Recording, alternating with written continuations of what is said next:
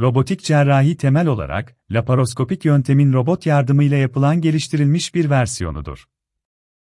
Robotik cerrahi son yıllarda sıklıkla uygulanmaya başlanmış olup, birçok üroloji ameliyatlarında da tercih edilen yöntemlerden biri haline gelmiştir.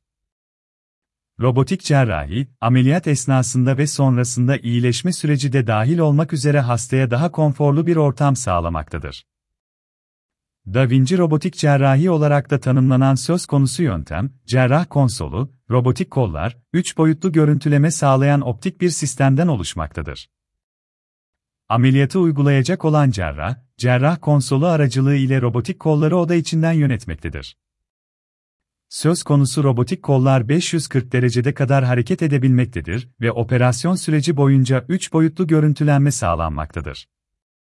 Robotik cerrahi hangi hastalıklarda kullanılır? Robotik cerrahinin kullanıldığı ürolojik hastalıkları aşağıdaki şekilde sıralayabiliriz. Robotik prostat kanseri cerrahisi. Robotik böbrek kanseri ameliyatı. Robotik mesane kanseri ameliyatı. Robotik piyeloplasti gibi rekonstrüksiyon gereken ameliyatlar.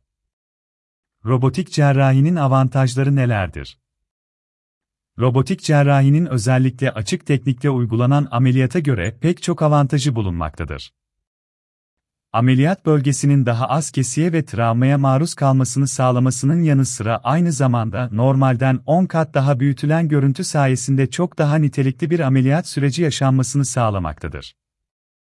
Hasta günlük hayata olabildiğince kısa sürede dönebilmektedir.